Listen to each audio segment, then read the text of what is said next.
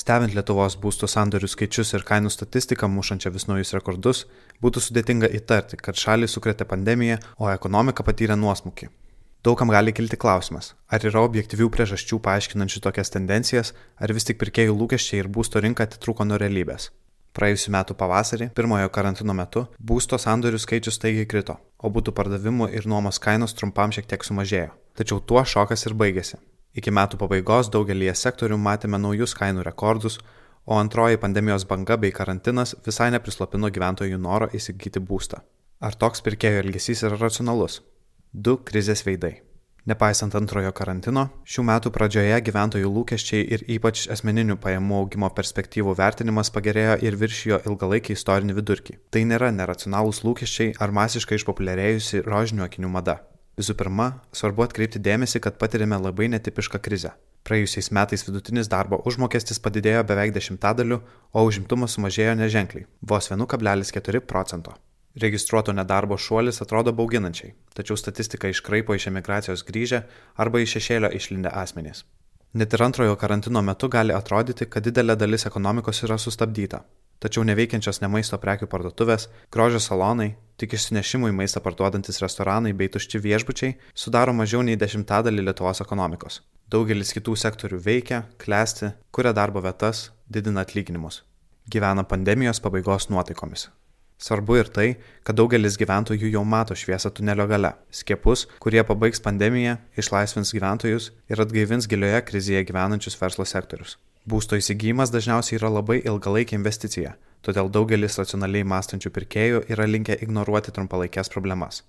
Apie nepažeistą daugelio lietuvių finansinę būklę signalizuoja ir indėlių statistika. Per praėjusius metus gyventojų indėliai išaugo net penktadaliu arba 3 milijardais eurų. Matydami centrinių bankų entuzijazmą didinti pinigų pasiūlą ir išsakomus pažadus laikyti itin žemas ar net neigiamas palūkanas, dalis gyventojų į būstų įsigijimą žiūri kaip į apsidraudimą nuo galimai didesnės infliacijos ir pinigų nuvertėjimo.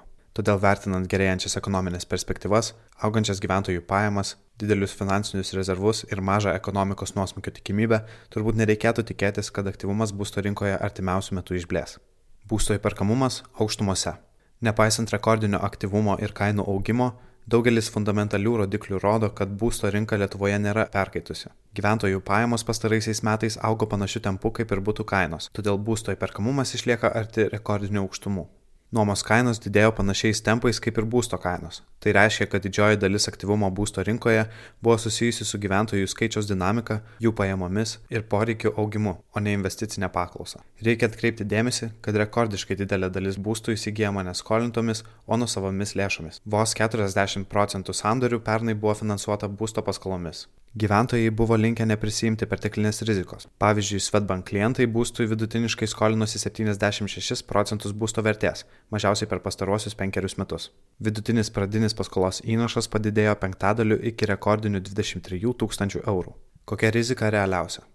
Vis tik ryškėjančios tendencijos, kuomet perkamas dar tik brėžiniuose matomas būstas, rodo, kad entuzijazmas ir skubėjimas, ypač tarp perkančiųjų ne pirmąjį būstą, gali būti perteklinis. Būsto rinką galėtų atvesinti pavyzdžiui viruso mutacijos ir dar kartą atitolstanti pandemijos pabaigos perspektyva. Tačiau labiau tikėtina rizika yra ne nuosmukis, o perkaitimas. Sparčiai atsigaunant pasaulio ekonomikoms ir besitęsiant jų skatinimui, turėtų įsibėgėti ir infliacija, kuri jau dabar matoma nekilnojamo turto ir finansų rinkose. Ir nors kol kas palūkanų normų kilimo nesitikima dar bent trijus metus, ryškėjantį infliacijos šmėklą priverstų centrinius bankus kalbėti apie didesnės palūkanas. Daugiau nei dešimtmetį nemačius tokio reiškinio kaip palūkanų augimas, daugelis atmeta tokią galimybę. Tačiau šios rizikos ignoruoti nederėtų ir skolinantis reikėtų įvertinti, kad pinigų kaina po keliarių metų gali būti gerokai didesnė nei šiandien. Šį komentarą paruošė Svetbank vyriausiasis ekonomistas Nerijus Mačiulis. Įgarsino Kristijonas Vaičiukauskas.